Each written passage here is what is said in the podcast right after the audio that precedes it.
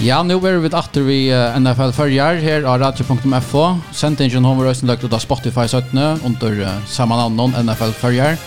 Og vi med studio her har vi Axel og Arnar og Petra Asbjörn. Vi får ta oss om week 1 som akkurat var nu og och måndagen nästan. Next spännande är hänt. Ödjan har varit urslit. Med et annet tapt til tappte Legion Packers og Han lyssnar för att ösna ta som, men först så halt vi tacka tojinder runt om i liga inne. Skiar med landa och ta sända bara vart vi är till Petra Ja, vi eh, som spelar fantasy och onkel är mer chatter om grannar. Dak Prescott är ute till 6 till 8 veckor. Vekna och skia och i tumlen. Själv man tappade mot Tampa Bay nu tror jag. Og Cowboys har bara 44 offensive yard og finker faktisk fyra sack mot seg. Cooper Rush, han uh, skal avløse, eller er avløsa fire Dak Prescott, og så spør om han uh, klarer uh, oppgaven, eller er oppgaven vaksnan, til til er fløyre som halte at han ikke hever til ham, men uh, og til så hever Mike McCarthy, eller Cowboys, tør jeg hava Michael Gallup, Terrence Smith og James Washington uh, ute Så det är eh, äckliga stora avbjörningar som tar standa fyra och är rockna vi att eh, ja, nu är vi färna att göra det här pix.dk är rock vi att för mig för kan så så för cowboys en ton, ton, tommel nio Alltså det här är öliga öliga förfärligt bra kan man säga att cowboys då att Jag missar Dak Prescott. Jag tar lite tar li långt fram undan. Er alltså som jag kan skriva. Så kan man förstilla sig att det nog kommer att häpa något så negg av oss ner distan och han är ute alltså något absolut av flesta. Så tar han kommer efter spårningen är för sent ta för att eh, att få något till att komma i playoffs. Eh, men så det som man kan förstilla sig till är färra cowboys att välja Jeva lite till Cooper Rush edla firman att uh, ut efter en en earn quarterback. Jag anser att hade ut för man skulle haft ankrarna som rast man skulle pröva ett landa. Spurning jag snack man ska ge upp. Men mest intressant av ötlån till er att hitcha till San Francisco och vita om Fortniners är vi på att geva Jimmy Garoppolo upp för affärer att han vill och vita om han kan halta Sheepe flådande uh, in till uh, Prescott han Jim Ratter till dömes. Det kommer till där. Är möjliga att är ni snill lika är goer backup quarterbacks som man kanskje kan locka til sin. Men är det ikke kanskje et till til verande backup quarterback? Jo, men det är det er uisa kalta i NFL. Det snur seg om att det har chans at jag vinner lite. ja. Og men Cooper Rush har en øyla gående dyst i fjør han tog avløs til fyra Dak Prescott. Og han var fort til Minnesota og vann i moder Vikings gott nok. Det var, det var så imponerande, men i ser til det avstårsbordet som vi han kan halda kappingar Gary allu vet jag där men det ser men jag hade kött Torstola som jag går på så han kör Rush till att kort av alla quarterbackarna som det hade i i training camp och här var han en av och så han blev så signar att dra lugg alltså men det var hött och trutchar inne och alla blev kort loose. Det är ju som man vant att för komma så stöv ner att Dak Prescott för route att att han första veckan eh. Men men det som kanske är ösn öliga bekymrande tror Chuck Cowboys till det att han tar faktiskt vid Dak Prescott så gör lite lätt i alden och skorar bara tror det och det angår att man följer att ordentligt är är vi och tror jag som om man då ser mot Tampa Bay nästan och och tanken ska första quarter och så är det som du ser spelar spelar att det här var så är ska och det ser att han Smith tar left tackle som är en av de bästa i ligan i nästa år som är ute och man sa det att att det är bara bara det alla sann och det tar ett ett gott pass för så så är det next thing som för att trouble och det här tar nu tar av Mark Cooper för ju free agency och och det sås att han det har inte gått med öppna ordentligt fallet öppna sitt där på nu. Nu har vi inte annonserat Cowboys men är helt klart tar draft ordentligt. Kan du drafta men är är det Cowboys? är Det här Leo är det börja. Nej, jag skulle ha spalt en test. Alltså Uh, är det rädda bombastiskt så spelar jag se att det är något som alltså eh hvis man kan släppa att eh divergera på en väg och bara så så trycker vi till att att det är haxan så vill vi se att en som Lucas på den det är så god så stark NFC East division för att vara hon är rätt för att lägga upp nu nu Och så vill jag man haft några eh playoff eller divisions vinnare som inte har haft eller höra records men men heter ser tungt ut chat Diamond. Ja, men vi där säga värde lig kom vi är vi gör några rallyar lucknar rekord alltså. Ja, och det är ganska som som Axel säger det är ganska man ska hitta ett division där vi har metal redan. Ta vad jag sen NFL på nu och jag hade det samman för stund alltså Eagles har Stars Roblox Raven Alliance och och Commanders, Washington Commanders vinner akkurat av Jacksonville Jaguars vem av det så det är så Luka Giants som kanske det som eller tar det här hästligen som blir rätt bäst kan man säga mot kollar spelmöter. men men jag tycker det är alltså vi tar ju säga om inte så stjärna att, att top quarterbackar har gjort det och linje Luka ha klass för men på nu kanske vi Cowboys kan man det det skjuter så kanske välja en spelare ordentligt ordentligt väl och hon har på en child att spela ordentligt väl man sa det som Michael Parsons för så renner efter nu men jag hade varit ju några år sedan Peter nämnde att Rodgers var ute i i fnäckvann och, veckor och Och alldeles så var Packers inte längre från kom play så som minns rätt. Jo, helt har klarat att akkurat allt genom. Jo, det var han är brått öskbojne. Ja, det var det. Det tar Det Sean Kaiser, ja. Ja, minns akkurat har haft snäck kvar. Ja. Så det det är det ber till men och men tar det där Prescott i sluga gå som Aaron Rodgers kan men han är han är absolut en en en fysisk cowboy skall ha success så ska han spela det väl så eh nej tycker det var väldigt lätt roligt att de men sambart Ja, sambart øyerne av, av Cowboys, så kan han ikke ha injury reserve. Där vant han vid attor, nog så kött. Det så där så kan man lägga ut här men alltså han tar plats och är rastar någon stadväck. Då ska han injury reserve. Injury reserve kan man gott. Det man sitter bara några veckor injury reserve kan man komma vid natt, gott nog. Men ja, det är som en vi alltså han satsar på att han är bra veckor några få veckor. Ja. Vi snackar long term. Ja, men uh, det var väldigt spännande att veta vad händer i Cowboys. Det är American team, fotbollteam. Det är eh för det som inte är helt eh kanske först för Lusta och har AHA för NFL så är Dallas Cowboys är en sort American football team värda kalla och det är så det som att älska att älska medan Patriots är ett lag som att älska hjärta egentligen. Det är sånt för egna rockning. Ja, jag passar klipper vi en sån här eh en sån här coach American football coach som för till eh Jeff där Premier League uh, han var vänja ja Ted Lasso Ted Lasso reklamen ja ja. Då så Dallas Cowboys. Till till liksom Manchester United eller Liverpool. Det är ju som alla hatar alla älskar eller eller man älskar alla hatar alltså det och det är alltid som man är minst alltså det är liksom alltid för en fokus i i amerikanska medlen och och snä ja att han vill vi alltså allt om kanske dish gång så det är väl. Det är alltid det är alltid störst pressa av en där kan man säga just nu. Fotboll är så extremt störst i Texas just nu och har det största i Texas. Så. Ja, men uh, så får vi till ett annat uh, hvis det är Twitter eller hvis det är ut ja uh, till sociala medier som omhandlar NFL så är det som heter det är kan finna kvot och det Genos Mike drop kvot. Och där ser han att han har han spalt uh, mot Denver och där ser han they, they wrote me off I ain't right back. och Gino Smith uh, som uh, är avlösare tja Russell Wilson han uh, har faktiskt en finnandest och en öliga kan man förhålla till Han räcker 16 och 18 Custom för 140 yards, två touchdowns och fyra lag. Och Ter i gauchant hade jag. Eh han var flövar skeptisk om han om för att klara press ja. Han ändrar vi räcka 23 28 kostum för 145 yards och ett passing grade av 109,5. Och passing grade av 119,5 är öliga gott. Og til tikkun som ikkje lukka som vidar katt er tås om det snakk om passing grade, til er en formel som viser støy og en passing leader, et eller annan quarterback. Og skalen han gonger fra 0 til 108,3. Og for jeg ser om Mial, så er 2020 vær om Mial, eller over average, eller iver Mial, 35,6. Og til er, til er hakkande, per år så er det hakkande til, til sådans lika en, ja, utveckla sig. Eh och så är det här. Eh och nu var det läs akkurat att uh, vänjaren uh, Chaden var säger att jag gjorde. Men eh Det går också av att den var valt att täcka åt 32 yard field goal ta i 0,20 eller ja 20 sekunder var extra klockan. Och så var det fram om och skulle man just att man akkurat signa quarterback för 200 miljoner plus om man borde och tar stå av första fem om man bara borde för rätt.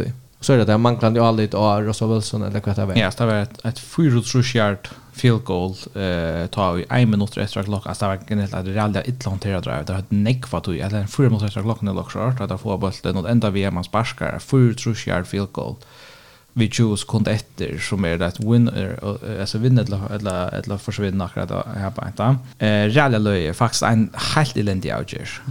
Tror jag att en av 14 film så måste du ha alla då att att Russell Wilson kan eh få en first down här på inte och få det tattare på bättre en bättre stöv egentligen. Och det var för så skärt. För Trushard, ja.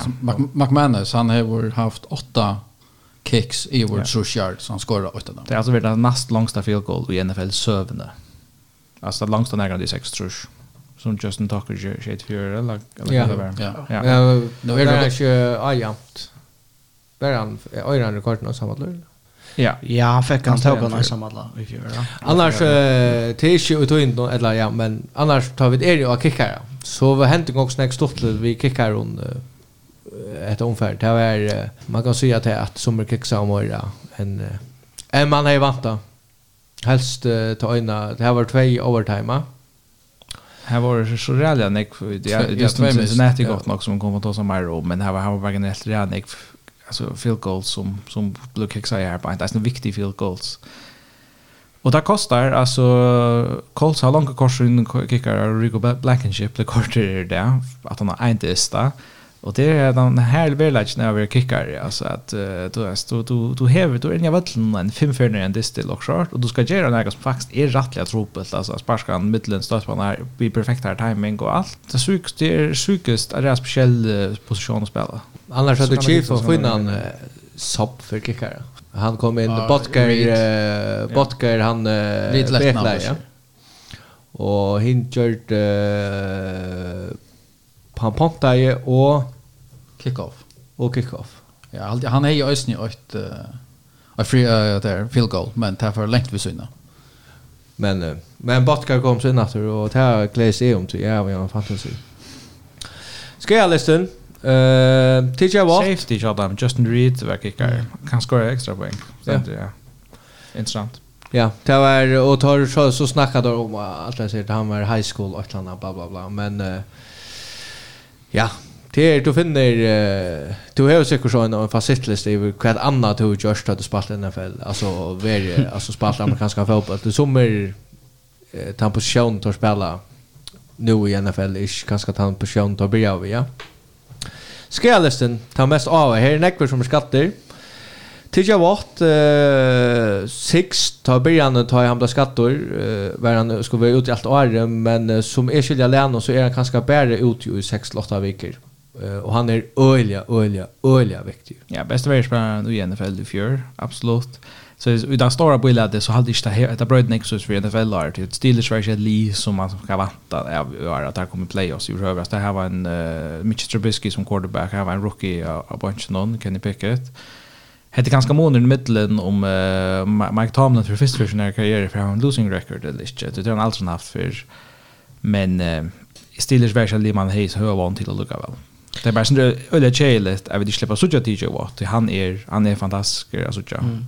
Men då vinner så av Bengals. Jag vet vad det för som för Uh, om det är med varje som kan se vinner det sen för eller på den kan man da vindes för då så så det är synd där på tamma där är synd ärligt kan man se vis vis det att ha alla bäst spelare för till att det var det var inte som hade väntat att för för sig så det nu eh så så så kan man se vad det vad det för blå till ja så är det dags som har nämnt Och så är det en som är där chatter tror jag det är lite mycket av färna on injury reserve list. Men det är bara att att han har fantasy. Jag måste nämna det. Bara att att han har en fantasy. Ja, starting på running back chart för Diners men där har är är i kön i här bara. Så så det är trick med något att det har större problem med som running back position på det alltid i San Francisco.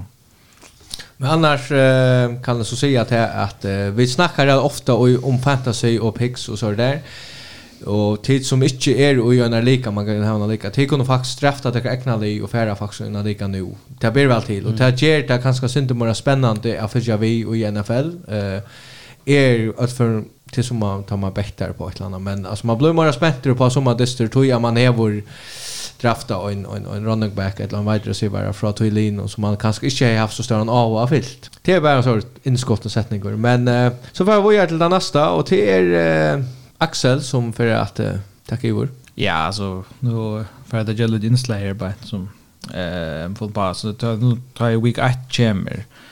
Eh vi var sen inne att jag kan sända så sist vecka är att ta där kommer så några överraskande ting som man blir så lång i week 8. Harry Harry det är alltid också nytt i alla fall. Det är alltid ett li som vi halta för det störst som inte vill sälja störst eller ett li som som kommer som övervakt som kommer som man så så ser att det faktiskt är gåra. Mm Och så röjnar man så kan man söka den trenden där på ena vägen och ta kan nästan bara hända löjning alltså kan du för Packers få absolut i emot Saints och i, alltså i första distan i Arnold men jag har klart så fint att han är fra och det samma för det gör ja och Bills tar tappa mot Steelers och så i fjärra eh så sånt kan jag spela till vid Lucas som det är att Nürnberg men eh, för att att att liksom prova hitta ett någon trend någon som man säger här bänt och och göra en en sån analys vi då i sin det sätta spissen där vi är sån där extremer och i min ingenjör bänt och så kommer det komma vi lite kom uh, kom back till um, killa jag säga och det första som jag får fokusera på att det är att är helt att Packers så verkligen vanlig ut. Och i, alltså vi får ta som är den disten men att Aaron Rodgers simpelthen virkar lever i problemen alltså hata lie till så som samstarv vi hon och vi receivern var pura off. Eh linjan så elendig ut. Det var relativt tydligt att han manglade eh, David Bakhtiari och att alltså där saknade var inte Adams och jag tycker faktiskt att det är är ordentligt troublemaker i Green Bay där som att han har manglat ting av linjen. Jenkins manglar ju ösnen. Ja, ja. linjen.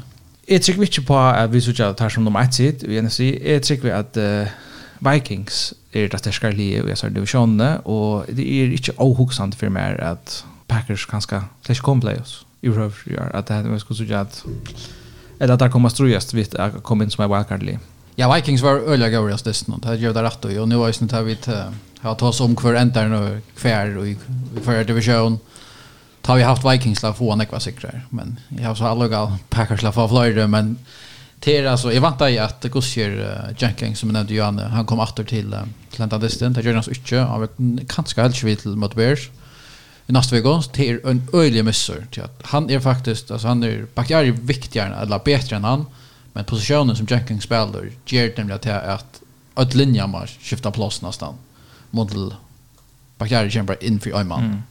Tror det så öjligt att han kommer åter så att det kan spela här som tar är det allra bäst och inte nästan second string alla stannis.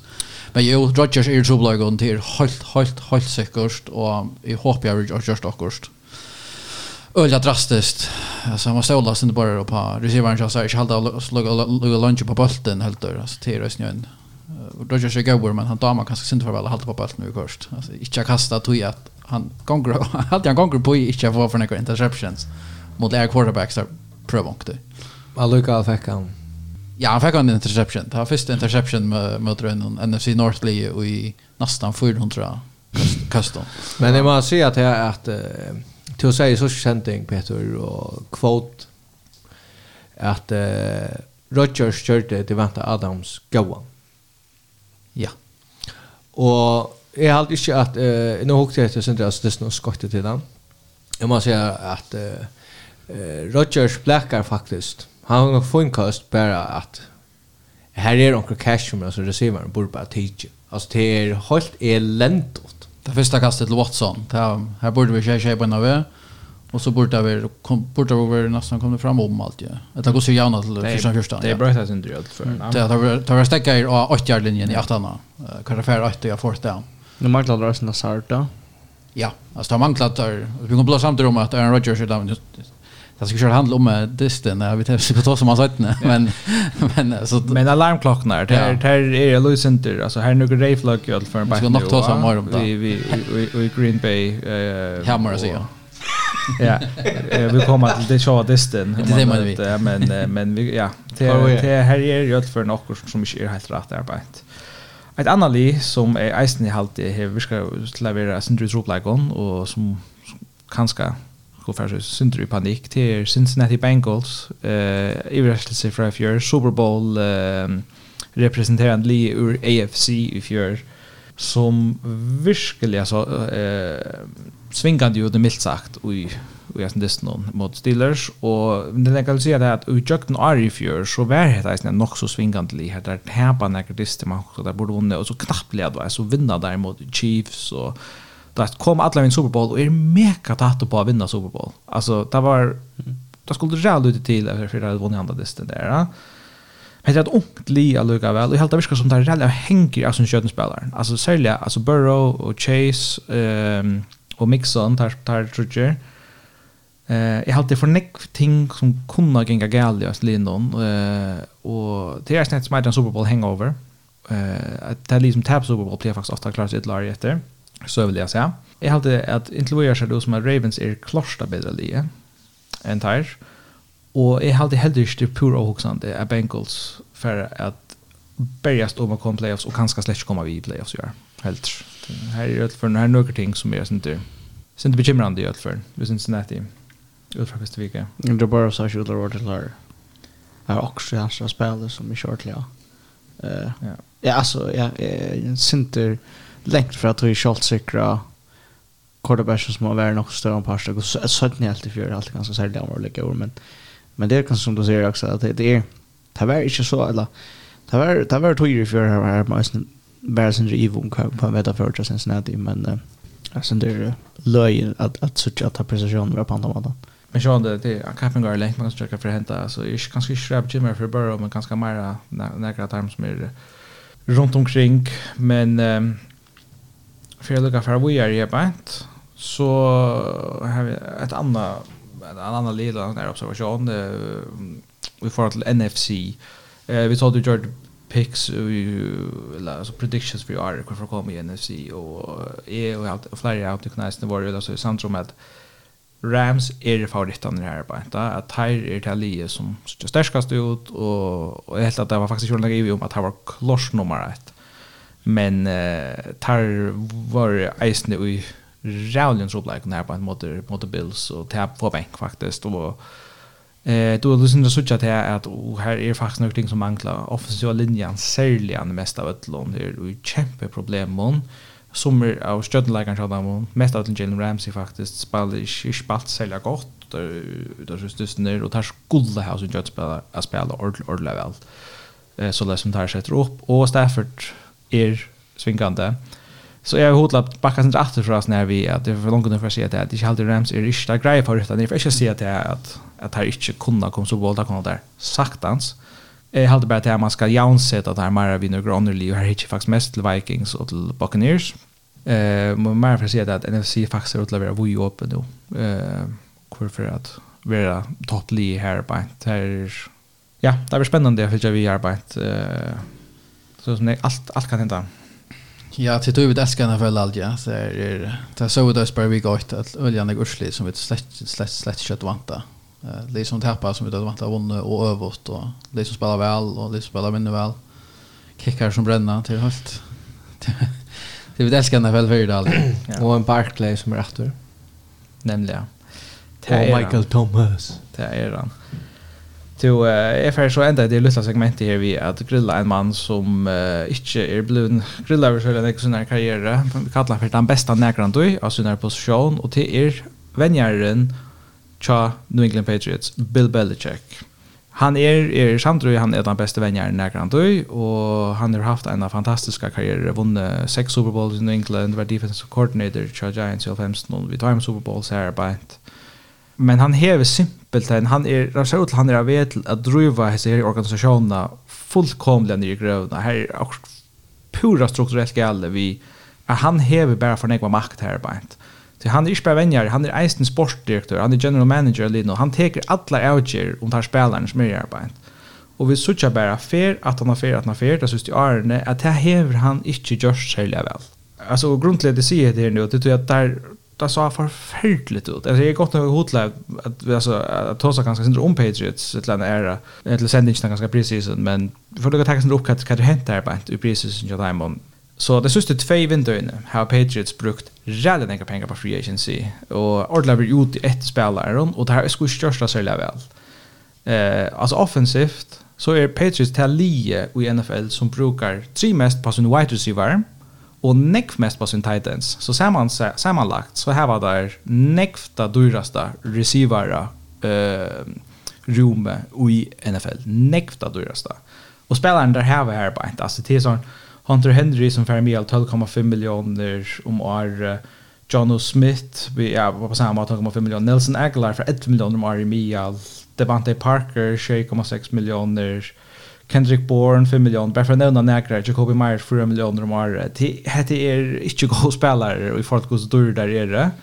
Eh, så här har också kiksa och så vill jag säga så har Belichick eisen har vi elendig til å drafta. Og i år var godt nok ikke noe undantag. Det er spilleren som han tog ikke, altså, han tog en guard som heter Cole Strange, som godt nok var Strange pick, altså som han spyrir ekspertstander, som, som var man tar för tre runder han startar hockey i är runder vant man får så vi satte runt i lockshort alltså det var ordentligt ordentligt löje måte han han hanterar det på och det viskar bara som om att att likar till fanns inte är särskilt gott och för lucka nu att det lucknas där åt lån halt i det att nu tar han Mr Josh McDaniel som vänjer som som som offensive coordinator. Så har inte sett en nutchan offensive coordinator. Han har sett två assistenter eller alla på någon och och till han till Matt Patricia förväntat defensive coordinator cha cha cha cha Diamond och som var head coach i Lions i Antoi och Joe Judge som var förväntat special teams coordinator och som behöver vänja sig Giants sista två år nu utan att vara själv imponerande. Det är faktiskt två män som är kända med det defensive background och så han själv alltså det här är ju det är här alltså jag syns han bara välja till att att nu ska han i ta all uppe och designa all uppe ja. Mm det er pura ørst for å si det mildt ut til du hever en så ungan quarterback som Mac Jones som hever bruk for en ordentlig god offensiv venjere, en kreativ venjere, og man ser at, at alle oppe er ordentlig trobleikar for at gjøre nega som helst mot Miami, og er bekymret for at Patriots tog som, som, som, som der tar dynasty til, til færre. Var det sjokk vi at uh, Mac Jones har haft også Andreas vi? Uh, det var också vi han uh, mist uh, och slakna check. Ja, min själva helt men men uh, Obars är han uh, Ivan Malm han är 100% jag kan alla säsongen och det är absolut en stor misservice då miss det var ju snart den så quarterback Allt jag blev kort direkt in i medical tent att nadisten eller in till skanningar. Jag vet inte akkurat där x-rays eller vad? Ja, jag så det är också det passar. Jag läser också om om att han TV också vi honom alltså han är ju 100 frisk och allt. Jag vet inte vad det kommer ut på men jag hörde nämligen att han blev kartor till skanningar på en av och tog kontopressan inte prata vi han att han dysten i rov. Ja. Nej, det försökte med alltså ett scenario här i tar ganska bra för att vinna en 5-6 distributor max. Så det ser väldigt gott ut. Ja, det är intressant att analysa till Busmaker Patriots så är det ju. Det är ju which Patriots longer alltså uh, så blir det kjent og så redan jeg var. Uh, altså alt projektet som Østen Cam Newton som quarterback var jo Østen uh, Ølja. En nødvendig større feil i Østen alltid og yeah. Och som du säger också alltså att Bill Belichick är ju en en en defensiv vänjer kan man säga det här hans specialiteter så alltså jag hukte ju efter alltså sa ju så i Atlantisten och i halt ju i i Miami och det andra det är minns jag ordentligt så stjärn här man bara också okej okay, men detta mot Petrus som också heter här har vi större på. Så det var omgått det var omgått så som man man ordliga också att för Petrus som kommer nattis när det ordet kommer vi omkring eh bara en Elise som som ser ut lite efter ett någon lust på nu. Och bara alltså oftast bara bara Copy Myers ganska som som visar sin intresse just allt det. Jag ser alldeles den enda förklaringen på han gör där att att vi att att ska ta sig all upp någon till för att att att han ska visa hur skor han är eller så alltså nu tar han mest Brady och så kring så illa. Det här är inte förklaring på. Och Miss McDaniel också. Ja. Little bit and Allen will boot and he'll flip it wide open. The man who scored all the touchdowns in the playoffs, Gabe Davis, touchdown Buffalo.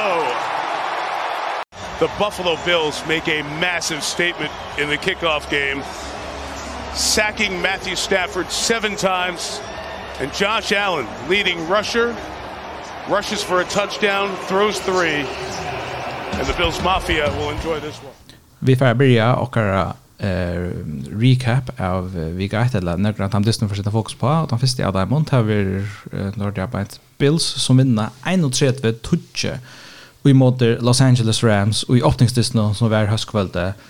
Bills, simpelt den, vill jag sagt milsagt Benka Rams av i Los Angeles. Uh, Josh Allen han he, han uh, börjar sin MVP kampanje uh, på ja på en en, en rattelig god måte. Han har ganske ganska högt två interceptions här han säger att han ene er sån där butter hans er skilt men uh, är det här bara alltså jag också att det är Bills som torch som bara körer ahead vi binary coach emot Super Bowl eller like, vad ska man liksom sucha utres ner dist non hepa enta star sucha alls natter tar tar dist fresh gott til touch touch touch to jalla någon men man hever helt klart känsla av att Bills är bättre, då är det här turnover, så paint inte, men Jörn Holland vinner där en tjon och vinner gratis den, så här är inte ordentligt kan du man följa det driva mål.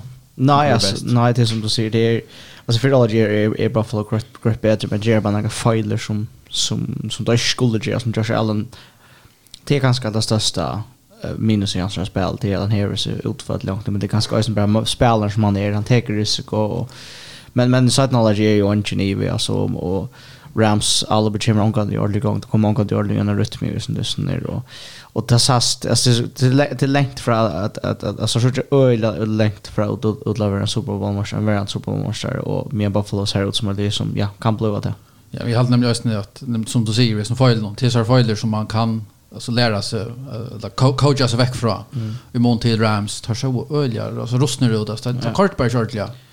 Så så att angår det förnämmelsen som du säger att att att detta för köra alltså att att quarterbacken för gång då han kastat till receivern när alltså ta så att angår det i mån till Rams nej mån till Bills. Ta var bara läckorst stage efter allt. Ja så och och Bills är alltså Josh Allen är bara ohyggelig att att det jätter eh panikamatar vi han kan ju så se allt att slå kast och nästan och och han kan renna vid bollen och ösnen som han ösger väl han är en central leading rusher det och det är alltid var inte den när för att han kan bli vansen builds the air vans jag builds det är Ola Neck Josh Allen som ska skapa att att det här bollen tar här vis ordern han har ju en running back som är i a gång över helt i NFL som kan det stämma single där sack sack måste är Charlton Single är faktiskt en go stats just det så är det stöj är bara så högt då. Uh, men värjan det er en verjan som gör det man också her faktiskt att uh, tar man helt rams touches det ja, en utest ju og en snack sacks, och fast laxning pressa, så är det man också okej okay, så heter kan heter kan sambacka till att ett extremt gott uh, så kommande bästa kandidat till Super Bowl Midlands linje eller bara Buffalo Ja, Buffalo man. Ja, starter min, min uh, Toro Chiefs är absolut min favorit att komma i efter Championship till Orange New. Ja, sant. Eh, jag som vill ta som att mer om alltså Josh Allen här på inte så helt för sen där till touchdown-kastan helt dix han rullar ut och bara lägger han tror jag om man har linje så bara levererar han perfekt till den här på. inte. Det visar allt och hur så hur så går han är, va? Han hever 296 yards, 6 rushing yards, 3 kastar 3 touchdowns, renner et inn, og hever så godt nok 2 interception. Den første er, er ikke ordentlig hans skilt, han detter jokken hendene av noen. Den neste er i endan av holdet noen som faktisk var Ulla Kjeilir, som han kastar han og gjør en um, stottan bana til Rams som faktisk kunne få opp og jauna distant til holdet her på. Det er sånne her feiler man skal slippe undan, og av det vet jeg har Bills tvær fotballs, star running backs, ja. Eh? Så här är några ting som är fel här på men det är så imponerande att här trots det inte alltså vinna så grejt vi mot Rams och för luckan den jag tänker att tar ponta inte just det nu. Mm. Och till när vi då ser för från Bills tror jag att uh, vi tar som där där ponta mot Patriots tvärför när fyra. Alltså de sista sex distan och där på allt. Alltså det är och playoff distan och så ända den regular season i fjör. Så är det fyra out diamond att det inte har haft ett ponta distan. till pura vanvitt också. Mm. Som sagt sticker här på detta. Ja, ja.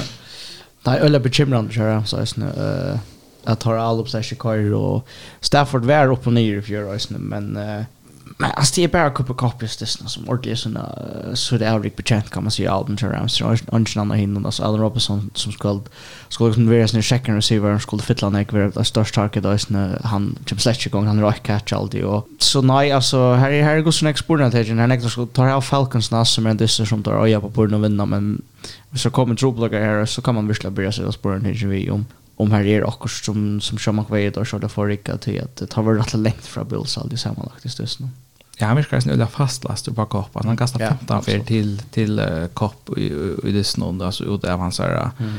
fjör, eller kan det en en fjörd kost i, det snön här på en, och trutcha interceptions här ja. eisne. Uh, Större passar så där var var på rotsar och och alla star eller väl den som spelar som som kom till Öland Nick som också all, all around receiver och och så ta hand på beskatter, så fink eller där på inte ta fink Odell Beckham in. Eh så kanske man klarar lägga som hitvapnet just därför då var Robinson kan bli att det är så sportningen men ja. Ja, jag var också skuffad den där Robinson. Ja. ja jag har valt att fantasy och Du du fällde som Peter Asbjörn säger, du fällde inte bättre vi akra honom och det jag huggt efter honom och han alltså jogga i kvar nästan alltså kan det vara kan det vara kastspel alltså Det var öliga skuffan jag såg det verkar som att viljan köra värre eller kanske är han håll skatter där när vi har haft några problem i off season. Ja, men som tänker hinner med den passen där sin löj att såg Jalen Ramsey var så det var inte i matchen igen och att han man inte prövar kanske se den synte fastare av Stefan Dix. Han häver kan man se ta eller han kan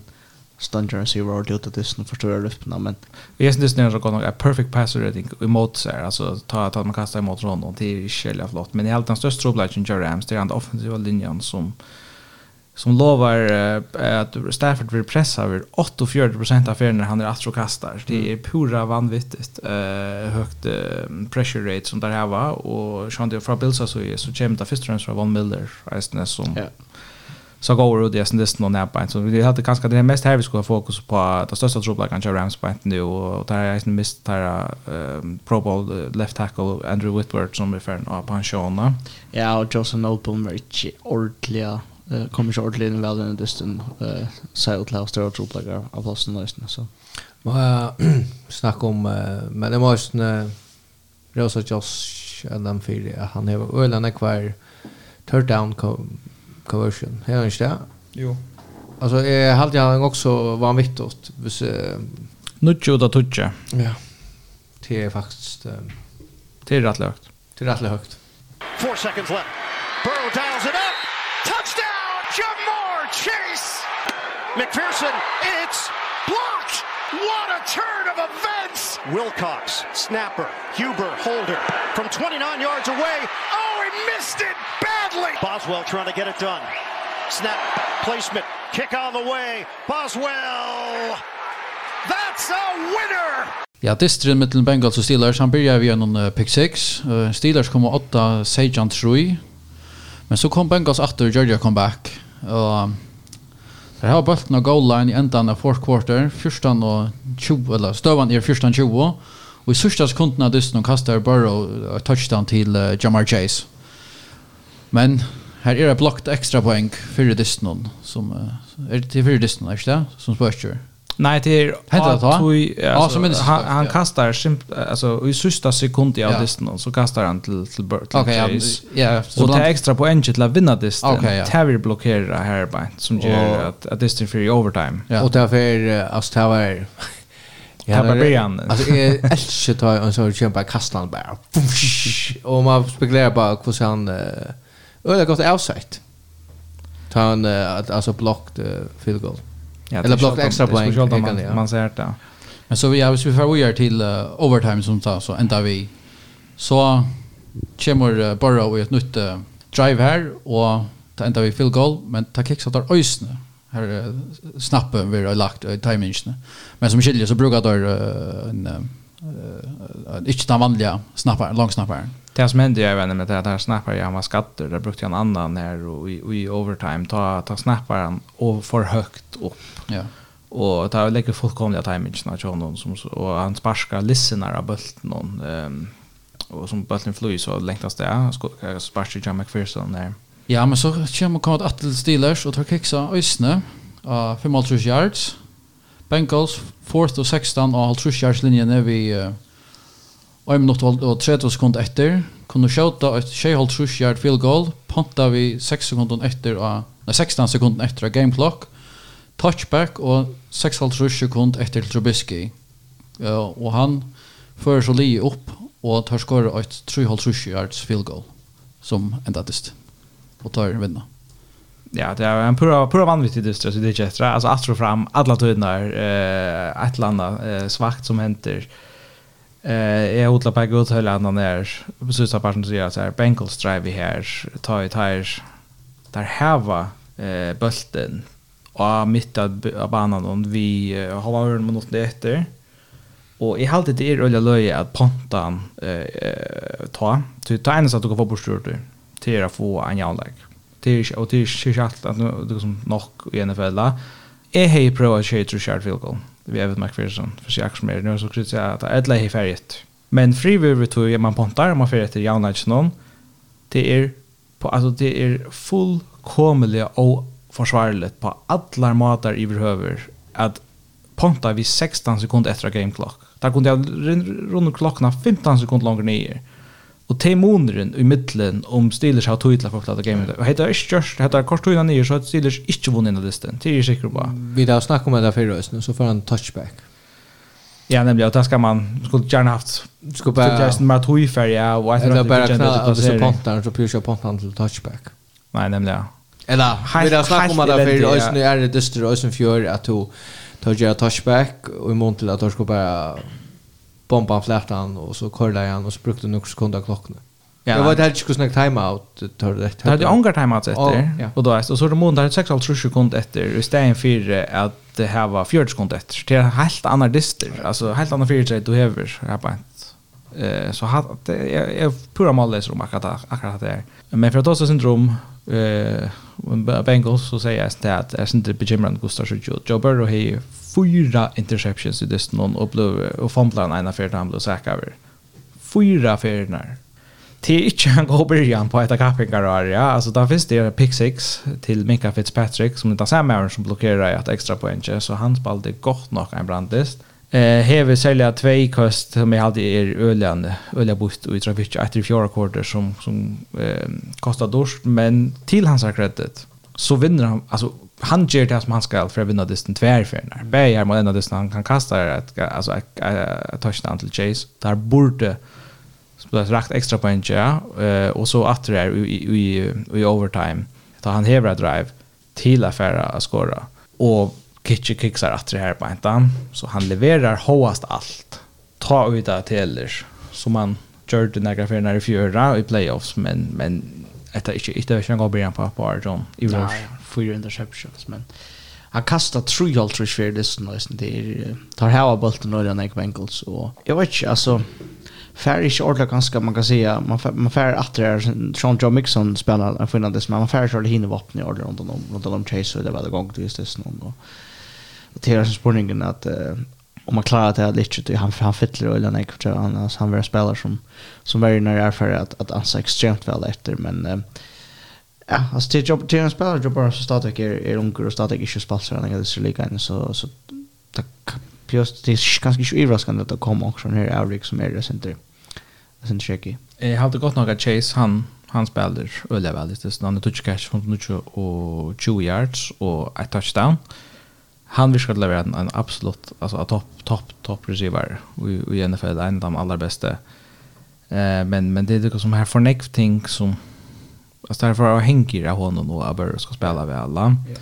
Så det är lite bekymrande. Från Steelers så så är ganska skärna jag säga. Strobiski har nog vi har sen säkert någon Lasse fast den att starting job där där nästa vecka när men på ett land så det tror jag folk kan i picket. Alltså tar jag är tar tar tar blir det här när som där nog färra att göra. Eh och att när DJ Watts ska in i Sean Duella Chile akkurat för för tärra kappingar men Eh, det var gott nog överraskande, det må jag säga. Att det, att det inte vet att, tappa ända det på ända maten, men alltså Vån schon i fern alltså här, här är här är det bättre att spela. Ja, ja jag var Asfjörd Joe Burrow-fan, jag vet men ja. Cousins got a throw near side, caught for the touchdown, Jefferson. Pressure up the middle, Rodgers in trouble, and he is sacked. It's the ex-Packers at Arius Smith. Cousins over the middle. How is he that wide open? Jefferson again inside the 10 lunging for the end zone. Touchdown! Ja, eh uh, Minnesota Vikings og Green Bay Packers er alltid en ekstremt uh, interessant man sitter vision matchup. Men det som blir faktiskt så spännande det är uh, men så det Vikings vinner 3-2 och Uh, Packers har skåret för nu i tre kvarter där så att de skulle sätta någon läge och är få inte ordentligt så spela Kyra Peter som som Packers Shepard där man sitter och hickar som röst alltså också man att uh, också man har det röda längt väck från rivalen på nu och längt väck från som skulle vara Det har också jag tar jag hukte söndagen. Jag hukte rätt sån och där sa allt annat än gott ut helt men nu hukte jag så att i morgon och ta ta kom synd om uh, i sin blåa as man var synte roligare det var inte gott det var inte men man sa glottar och man sa väl att uh, defense spalte fullt då gör då hade bara några ordliga alltså blanders alltså kallar ordliga då Jefferson bara affära för sig för sig själva vet någon som man vet han ögnar sig så han åt där som är ordentligt otroligt men uh, jo alltså receivern är skower eller no goer än uh, Ronald kan Rogers hjälpa här och tar sig det slitas ju upp och Vägen så får ut så ta så ta kunde rot upp här och vi står fortalt med Arne Dustin att att ända vi tror ju alltså the Vikings perfect tror ju så hej ett den tattantistisk. Inte jag nej Packers har vunnit men Och nu är det tattande så det syns skuffande att de skorar sig i men till allt det här, alltså NFL är det spel vi momentum och Fyrsta kast ju disten och Packers. Det är så tar första drive att han har Vikings skora mm. uh, touchdown. Ta färd en uh, second round pick av dem on Christian uh, Watson och ett uh, en frulevare av uh, Rodgers och han loftar inte. Det är mittlen händerna han. Hvis han skorar ta så är det tjej tjej. Och stått efter ta Hever Östen Packers att drive och kör ända av åtgärdlinjerna. Så det är så skorar tejpa Så det kanske haft en helt annan dist, ja, så måste Vikings också reagera øvelse. Men det är ganska akkurat som något vi kan problem til Packers her, at Rodgers kanske inte, eller jeg synes att, att hvis man har kanskje sjåverskilt nu, uh, inte hever så, så større nu att man tar sig ikke om at det var inte Adams så veck men att att det faktiskt uh, faktiskt inte är såna spelare som är till att uh, hjälpa honom i album. Jag vill hitta ett Kevin Avery spelare som egentligen är catches John. Alltså där som är leading receiver i det non till tar hans running backs AJ Dillon och Aaron Jones. Hin spelaren för Bethel Ramsey då och som har catches i this non till Romeo Dobbs Dobbs uh, Robert Tonyan tar tight end Christian Watson som det draftar i är runt i fjör, eller i år, Joshua DeGuara Så Sammy Watkins och Randall Cobb, två kända äldre veteraner som gått några nygängar. Det var Joan Winfrey och Tyler Davis. Alltså det är ja. totalt no-name receiver ja, ja. och några gamla Winfrey vill vi inte klara, men han är han är han tar från practice squad ja. till att alla Sardes skatter, utan han som bara skulle vara receiver ja. number one. Och Dobbs han är ösnött uh, från draften i år, fjärde runt och halvtid. Eh, eller hype om man i preseason men så, så ska man visa att det list. Men det som folk är öliga skuffa i och tror att ha brukt running backs backsen faktiskt så lite. Du ser att de har mest alltså, receiving yards så det här var då men men man vant att ha alltså upp bollen mer till att ta finko 6 6,4 yards per carries. Aaron Johnson som en. Nu kommer 8 bara för Sean gott han kan bara 5 carries men det nämner att det som är sin löj att han Sean där att du kan sluta spela catch up alla disten men men det är det som det är ganska det som rycker alltså det, Jones och Dylan alltså tar tar tar samma kontrust av världen tror Ja ja, så så så så tar hött och flyger löpa nu i alltså i, i third quarter. Kan det faktiskt funka rättliga yards på sjur och till under allt att det är runt och långt men som sagt som är inne i början av sentensen. Vi har offensive offensive offensive line shot man är öliga skott och hvis tar blåa frustrattor så trycker vi så klarar vi väl playoffs. Vi ska ju Vikings an nummer 8 och i NFC North men går ju playoffs till att Packers ju alltid haft så jävla go lead har där har faktiskt vunnit nekvadist Hvis man får att rich efter Lino. Så vi tror vi ändå vitt all egal. Jo, att man kan välja att trycka på Rodgers inte motsatt till präck var ju för att han kan göra det men, men Bräckan så är Ulla brött och Sörlandet tar man också så här kom i playoffs till Jushin och för han så han är att han ska alltså vinna så fotboll tror att han ska hans karriär där Så ska han visa det. Eh men um, för lucka vänja vända på nu till till Vikings så hade jag gott nog där komma väl ut just det där där spela alltså väl. Eh. Cousins han viskar till här har gott tag av det någon alltså kontroll eh uh, go cost ehm Tvenn Shelfish har två touchdowns. Still ju rollet egentligen. Ger det som han ska, ger det gott. Hever nek våpna kasta till mest av utlån. Justin Jefferson, Eisne, at det er fantastisk receiver han er, Han är verkligen, alltså jeg halte han och Kopp och Jamar Chase är klart tror jag det är bäst receiver i NFL på nu. Så kan man ganska ta som Tyreek Hill eller Lonkran. Det var inte Adams att träta i ja, men men bara ut här stö i Det var den bästa distrikten tror Jefferson i hans karriär. Ja, men det som jag hade nog eh intressant att jag spelar Talon Cook är ju i backfield samma vi Alexander Matheson som är back och running back och det har Adam Thielen att säga där på detta.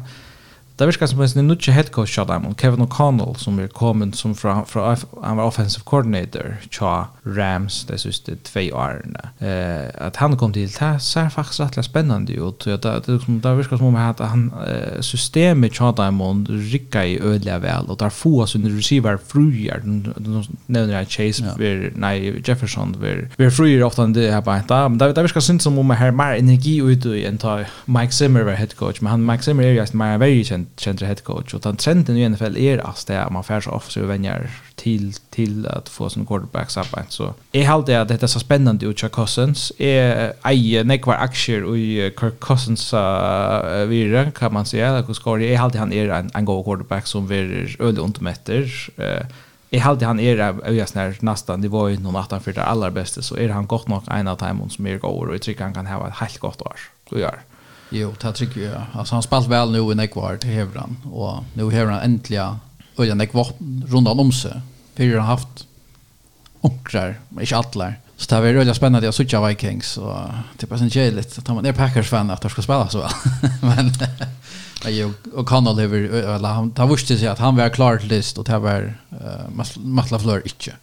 Det var alltså totalt krisa för att vänja stappen där. Han, han planer inte att komma ut vid Så jag hette Atla vid och hette det här vid för att göra och ta totalt kicksar tror jag tar even matcha Packers och öllon fronten. Berlin spelar att Monday night men det är inte mot corner det är två eh double header Monday night. Jag kommer lucka tacka med ända nästan men ja, är alltid att det är intressant om om här till maktskifte i NFC NFC North eller inte. Eh Det får det så tjå. Det går för några som bändrar att det kommer att det. Och det är ganska nej att som det moneter till jag planen offens som så där sen vapna tror jag var när jag går det värst alltså det är en snö om att Vikings har var stacka över alla linjerna och och bättre li än Packers det då är alltså vi snackar om det om Rodgers klarar Gerald li jag glömmer bättre än vad det är av på Ja men det passar utan quarterback position då. Ja. Så är Vikings bara Nick Bitterly.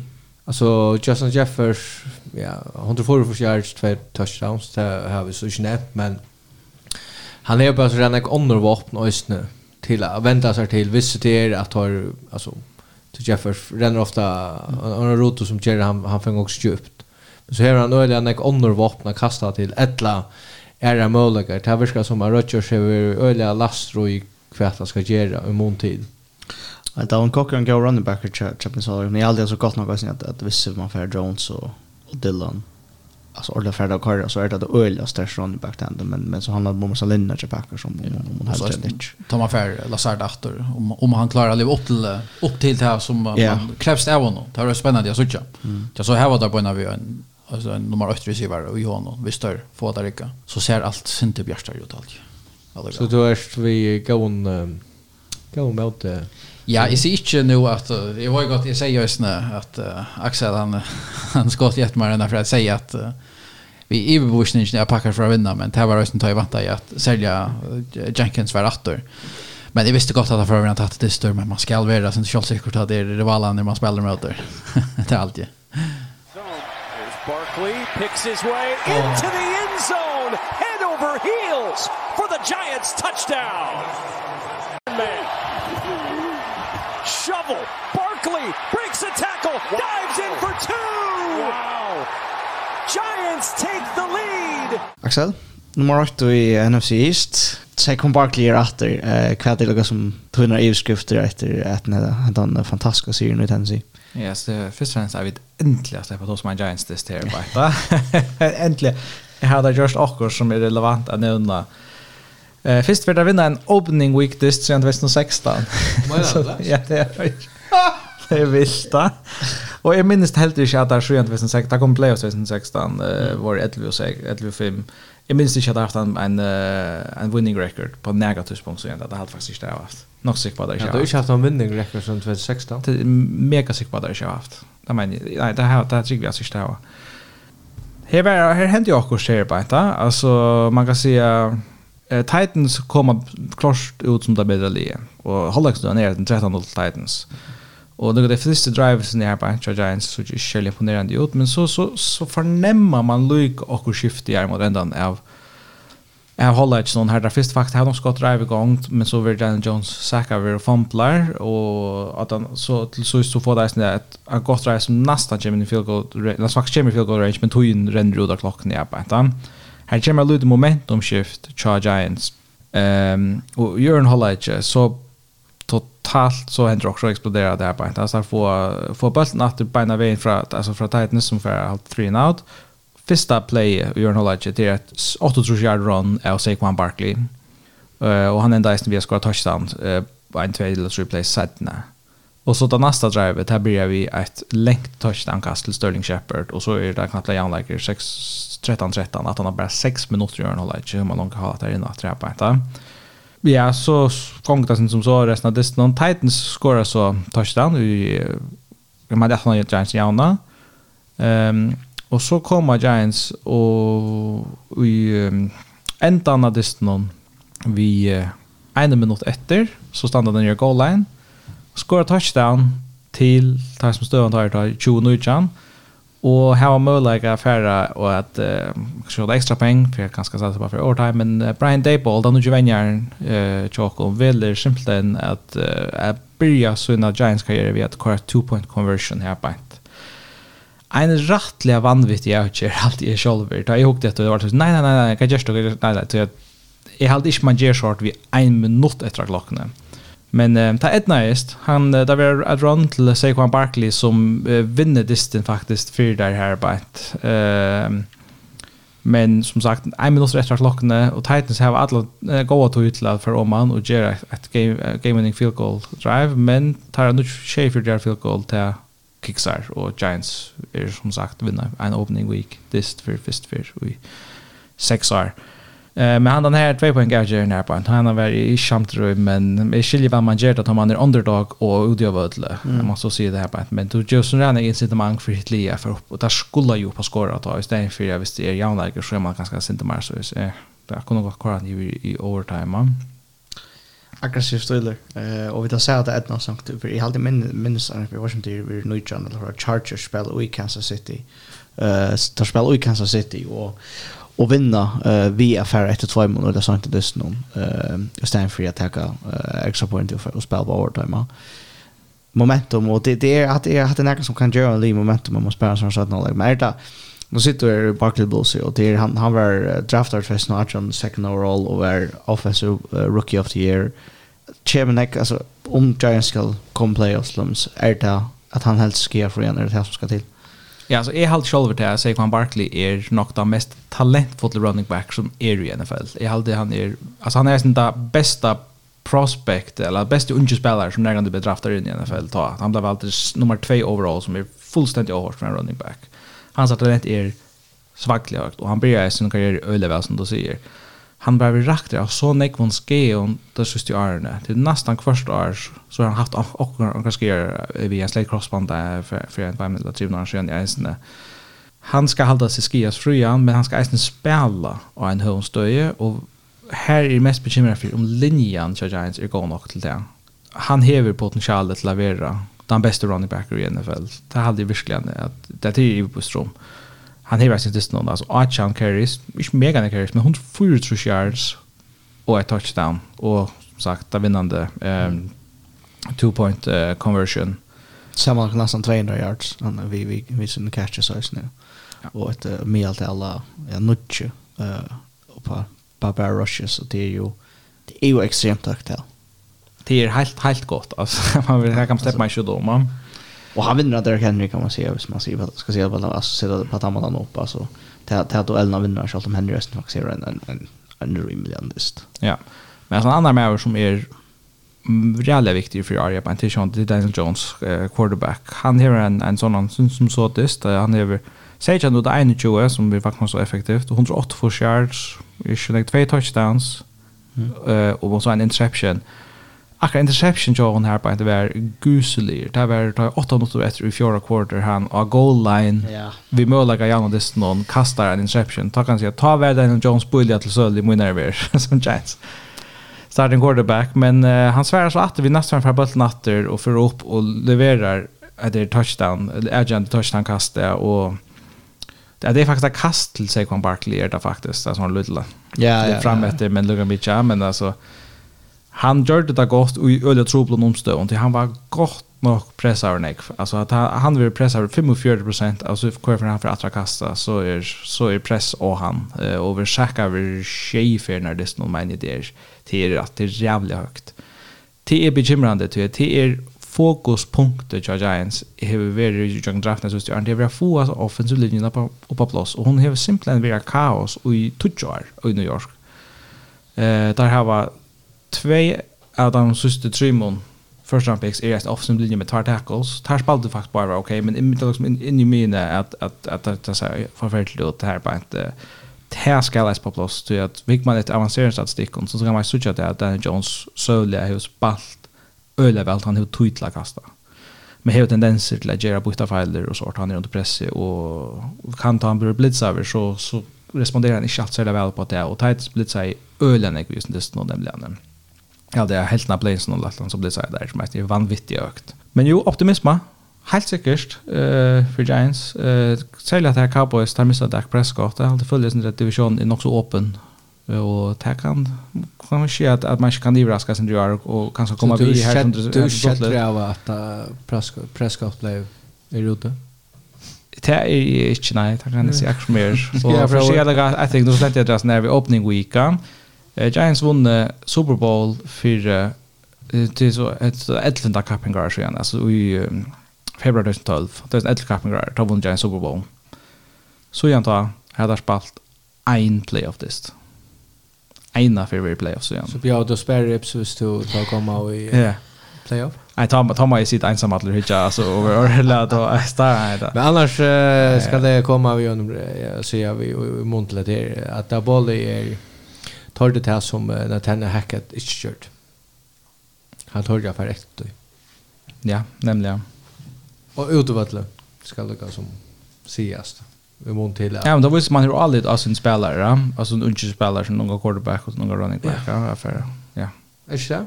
Jo, jo, det är det, helt säkert. En att låta oss en voyeur mindes när som så har varit ja. Vi i vikene, bara så helt stolt. mm. det var ganske derfor det snitt at du har fokus och på, Eh, jag hade faktiskt mest intressant så hvis vi lukar skulle då som är runt så var det det snart distant mellan Chargers och Raiders var det snart också har varit distant själva Raiders vi så just nu tror ut vi det var det att de så Chargers som är för det favoritligt har vinna 4-2 nu igen mot Raiders hemma vart Justin Herbert spelar öliga väl eh, men Tajir Dirk har gott nog inte han tror ikke interception, så sa bara generellt det sa ikke heller gott ut John mm. i hever faktisk flere muligheter å komme inn i analysten og vinne analysten, altså ordentlig, men det, det rikker alt en ordentlig av noen, og det er nesten positivt av dem til det er alltid at det vant Adam spalte øyelig vel. Beilinne godt kunne gjøre om seg lukka vel, hvis Derek Harper spiller, jeg synes det bedre, men, men det er stort lagt ikke hos Gower, Justin Herbert, han, han ble via vera. Og her er faktisk en distri, han kanskje ikke spiller helt opp til toppnivå, altså ikke ordentlig sånn opp i rinja, men stadig så tror jeg nok til å vinne, og det han är bara klart som bättre quarterback när jag styrs nu. Eh, jag snackar om quarterback så jag vet inte om han eh alltså liksom tar kapastvik alltså och som Chargers ska spela med det nu för den att ta show ju hyckligt åt Patrick Mahomes och och Chiefs Fairbrother Larsson och vinna för för det inte till inte kanske något som man ska komma i Nei, man tar så om uh, la vi nämnde MVP turnéen til Josh Allen blir jeg ja et av skvalt det er skulle lov for mig Holmes Eisen Church. Tror du tror jag fem touchdown kost Ja, men man sier at det er Cardinals spalt ikke vel Så så ser jag mer det. Nej, det spalt ikke vel men men men Chiefs scorear 44 sti og, og det var at spännande att for John Jonathan. Ta i Mahomes og Harper på samma. Ja, og så er det skulle vara Falcons Saints? Ja. Jeg, jeg var klost i bevisrum om Iron Dyssen at Saints fører halva Falcons så. Det var det ikke, utan en uh, Jim Winston som uh, trakk karakter uh, vi øren gå om honom. Jervis Landry er kommet Vi gav seg en høym, men han spalte, uh, mye man spalte college football mm. og et eller annet. Og startet i New Orleans. Jo, han er LSU, ja, Louisiana, ja. ja. ja skora i 14 poäng och i fort quarter. Och ta hej är nästan lagt med jag vet inte jag gör.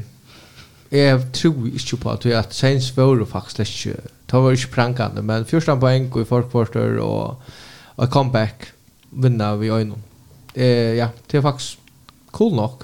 Ja, jag är snart där på över Hansen Margaret att vinna mot Falcons som är misstänker som det en vanlig linje i NFL men Saints kunna där ta en alltså wildcard plus ganska. Hvis Winston eh alltså det är nog spännande ju men hvis Winston eh lukar som blomstrar Seattle Solos. Man vill ju också Eva samma om Winston i Nekvar. Men eh, hvis han eh, trackar karaktär som testar ut som han kanske förkjossar lite nu eh, att han har det här. Hända dessen. Eller utför en fourth quarter.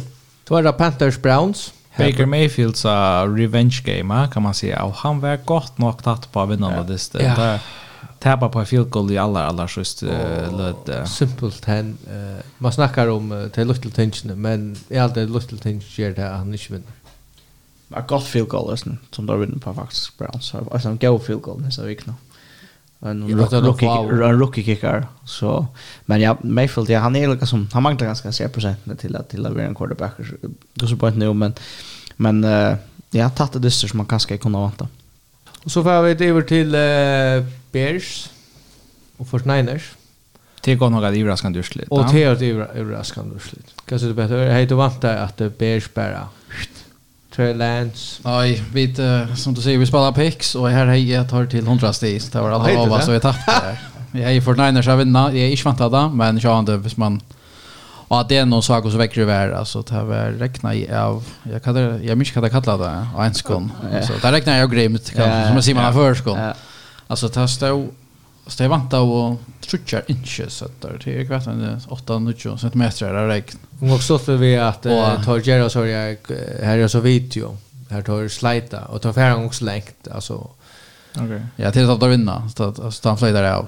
Eller ta tog in för. Ja. Nog stått så jag där där men jo ta ta veck er på handa matan till att säga nu. Ta veck er på handa matan. Ta toa till aktion ta bättre ligger nior av nivå till det vanliga. Mm som nog hänt jes för något. Men alltså trailer ser ju går. Alltså. Nej, jag ska säga alltså att ta för är fantastiskt. Det är ju men till mort här alltså ta ta ver Jo jo, jo sant. Jo. Ta ta ver nivån något under Marta samma. Så kunde stå på kast alltså kasta alla på samma mått. Ta ver där mer run football och hard hitting och så är det kvar explosivt och kvar 12 månader. Här måste jag spåra ju Jericho Lunch man kan man för vanta eller man för halt det projektet som Francisco till att det som man säger här till för att se alltså i sjukt på. Nej men alltså som så vi nämnde som den sista veckan så så är det här alltså som investerar när vi honom. Alltså där har givit två alltså det har faktiskt brukt tre round picks på att få han och det är tre för alltså för att träda upp till att attacka han då för fyra. Men uh, hvis uh, Cowboys ringer, hvis du var general manager i Fortniners Cowboys ringer og sier vi bjør et, vet ikke, andre tre eller tre rundt vel eller et eller annet, for å få Jimmy G, for å få han avløse her bænt. Hva sier du så?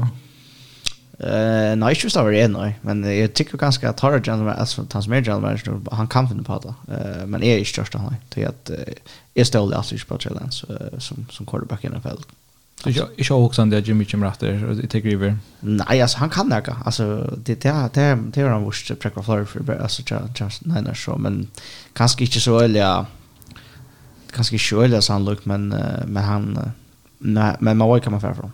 Ja, som sagt alltså NFC är up for grabs. Alltså man kan här är inte några favoriter här på inte alltså för Niners borde vara liksom är absolut att spela vi och jag snär toppströn och i NFC och helt säkert så så quarterbacken spelar så är det okej.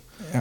Så hade jag absolut där ha ligger något om man till att göra skaldande eh till att vara vi i toppen och kanske inte ta vinna tar det division. Mm. Hade jag.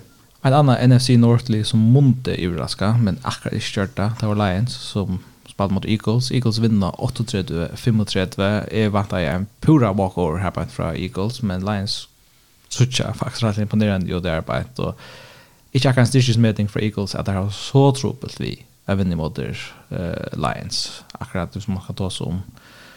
Jeg styrkesmeting sier NFC East-linje beint nu, ja. Vi har faktisk hatt på det på andre sted. Men tar Vikings nu nast, for det var det ganske morgensamt, så ikke akkurat hver dag ikke. Akkurat.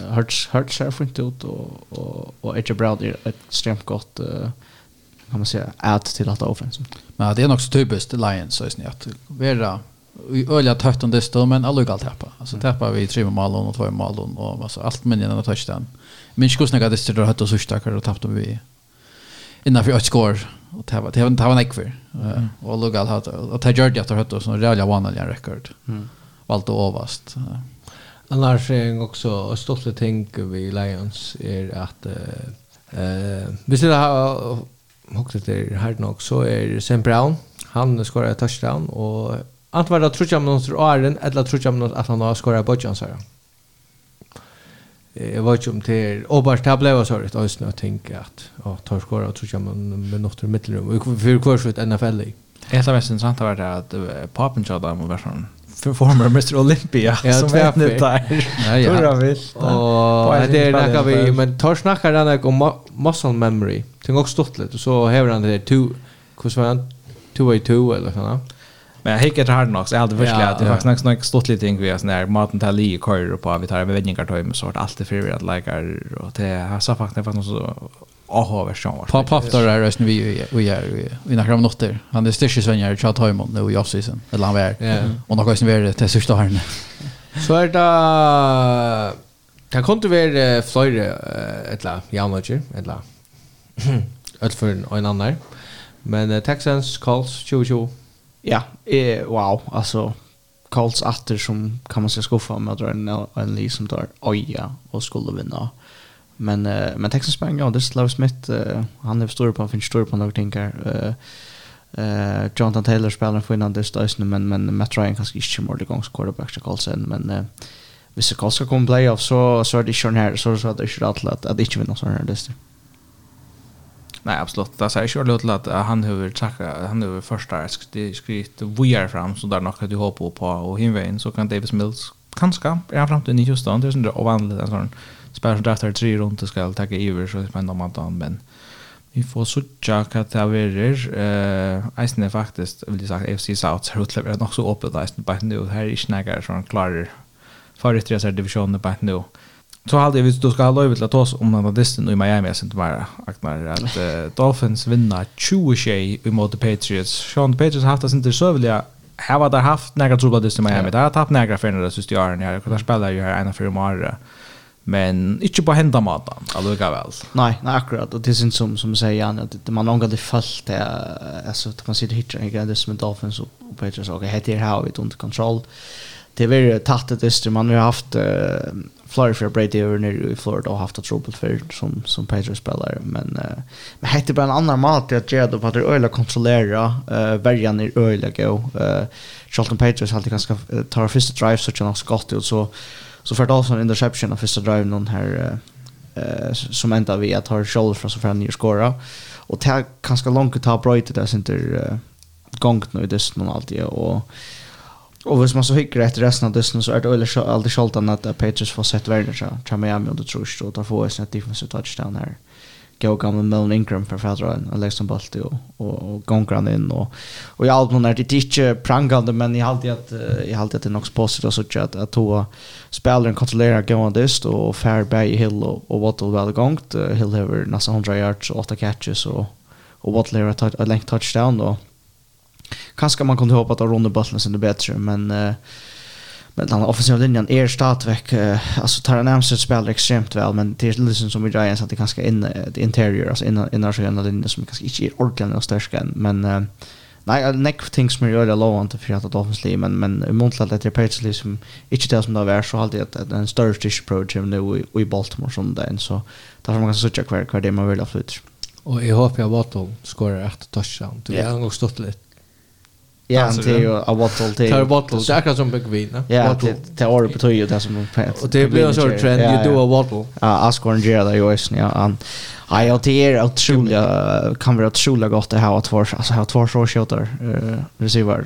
det det man ringt över över den här Trulja. Ja, og skal vi tacka så kött så er är commanders och checkwash. Och Jaguars är också avhavers til de som ikke vita. Jaguars er värd till för förfärligt. Altså, det Jaguars kanskje til NFL i så her det mest avskill vi jo i alla veien alltid. Men uh, 8-2, 2-2 mot der Commanders. Jag vet inte vänner med att säga Washington Commanders i den nästa länk till innan. Det här är Commanders, Commanders. damstannande, men Frivillig vi tog. Fort för svingande performance till Carson Wentz som spelar som första diss. Det är på ett. Hever fyra touchdowns, två interceptions. Också att så helt ordentligt löj ut. Men jag tror inte det är Är nog bekymrar över att Trevor Lawrence än inte ser ut ser bättre ut mm. än han är. Alltså han är nummer 1 overall pick, men inte bara det. Det är den mest hypade quarterback i en NFL-draft. Närmast du kanske Andrew Luck kommer här uppe emot det där man alltså har haft störst förväntningar. Och jag, jag halte man kan ta som omkyldningar för och Ali är kärliga gott och kvärt och gosse. Är man så gåor så fär man det bara, så ser man det, så fär man det rycka.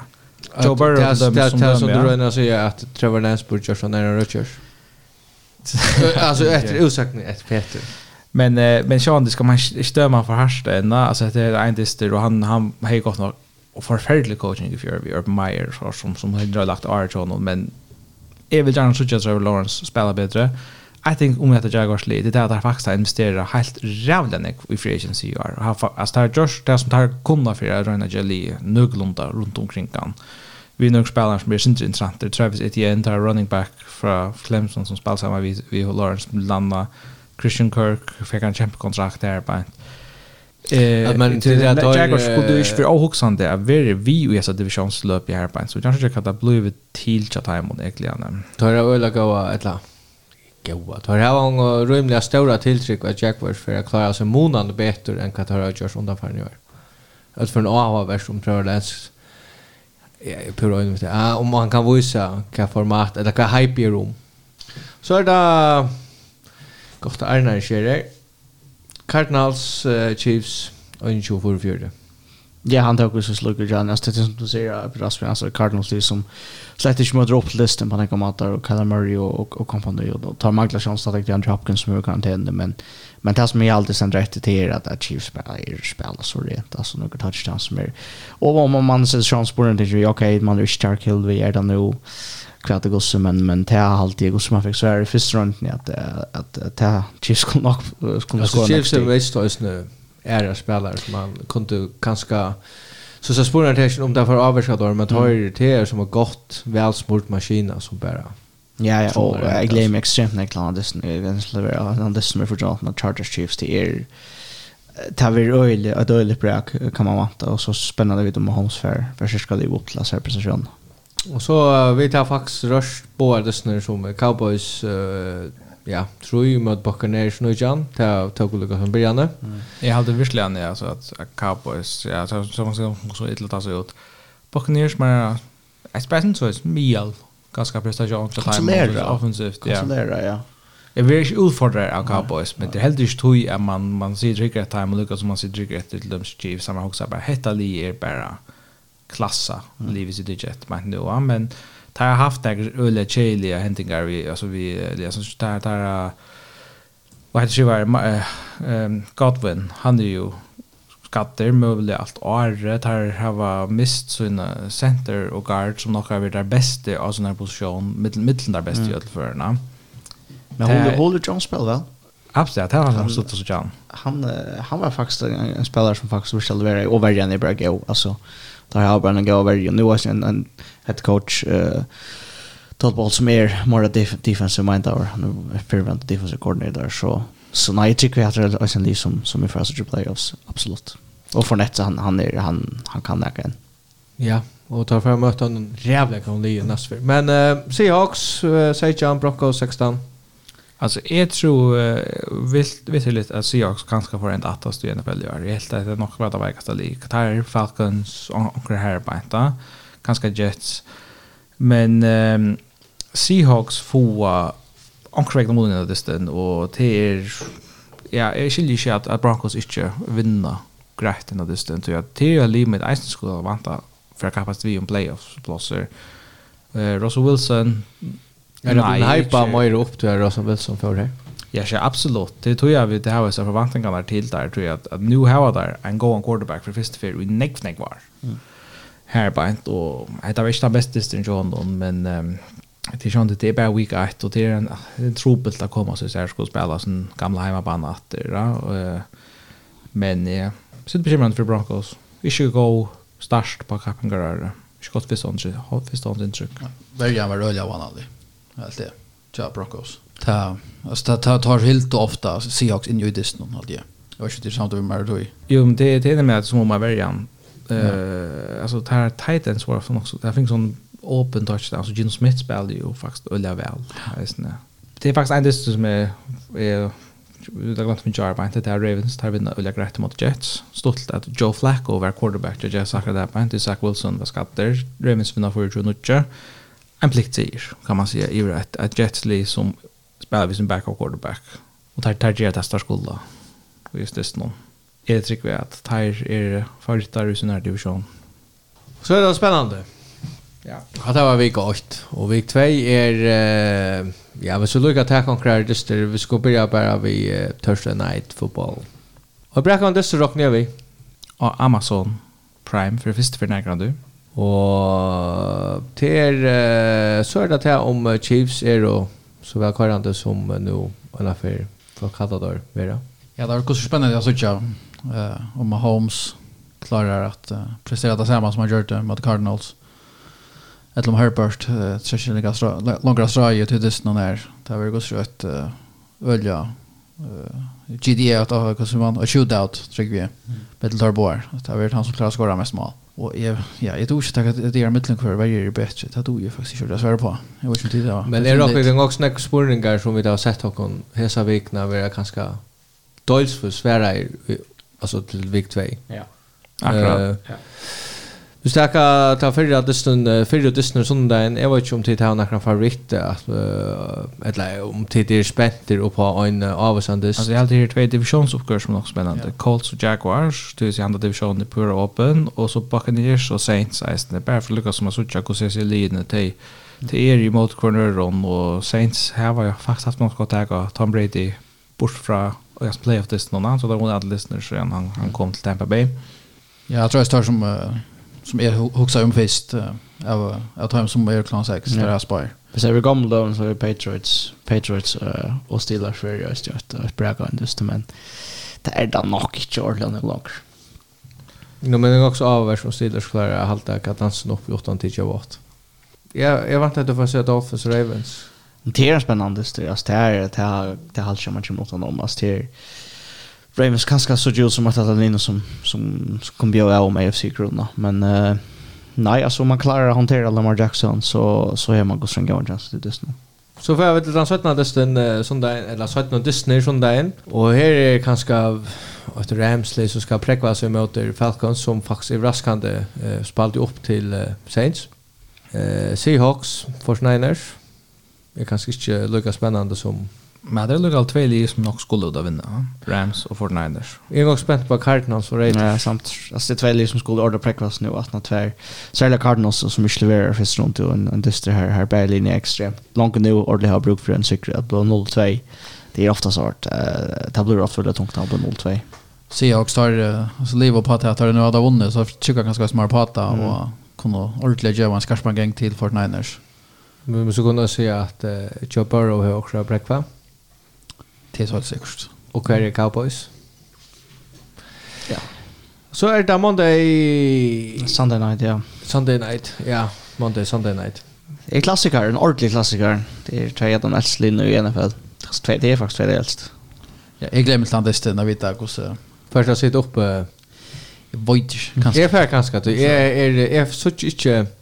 Jeg vil nok ikke vite til neste potvart nå, til jeg vil slett og. Ja i feries akkurat här kvällen så är rock vi om natten att man är och så lentor och komma så kanske man bara för Game Pass. För alltså Game Pass är väldigt gott där bara du kan switcha att du kan downloada det till natten och så switcha öll place när du kan downloada highlights du kan downloada öll place när du så stort det som är i 4 minuter eller så chatta det. Ja, men det som är gärna ofta är hitchet till online är hitchet NFL Red Zone och så kanske har vi en discord så nära. Ja. Men jeg hittir alltid etter, du kan være inne av Game Pass, og så sørst du Atlantissen, eller preview, eller highlights, og alt det. Det er pleier jeg hittir han også ofte etter, her samme tjeis og gjør en kaffepass, og YouTube man är röjma. gått längre än en outchips-lös som faktiskt kan också väl läsa. Ja. Men ja. Fruan hickar efter någon serie och så kan du bara färgerna hittas tog. Och så är det två dyster månader. Ja, det är något ting som där eller något något ting som kommer vi att för han rattla näck för alltid man hade det varit för det stod te gå för det som sitter ju och sa att det var ju två ska kanaler. Och det är faktiskt för något ska det stress den intensiteten så ut vad det mot Bills där. Det kan bli spännande om det kan för gång till så spel. Eh men Sean Harry Bills nog skoj för rytter men sort of Vikings Vikings Eagles som är nog så mera öppen dyster på några månader inte och av NSF-finalen från 2018 man det blev. Eh så nej, eh det är en god grund till att sitta upp kan man säga tusch natten och och hitcha den fall. Ja, Peter eh är väl då? Ja, ända vi nu. Ja, eh man ser att att vi hade planer om att hålla en avsa tog men ta det är väldigt spännande som det är Det det det är dåligt att snacka om det stratter att det har också helt konkret konkreta sitter snacka om Och vi har haft en har fått lära fall runt i 18 år för visst för i ja, fem månader, åtta månader. Åtta månader. Ja, det är väl fantastiskt att vara åtta till allt jag alltså nu. Man sitter framför sig vars någon en Höjlandsson har sån kväll det är man saknar det. Mm. Till allt jag men ja, hetta var så NFL följer poddvarsbö. Jag alltid vi tackar bara för Jocko ner och ja, hämta sentingen har vi lagt ut på Spotify just nu. Så vi höjrast.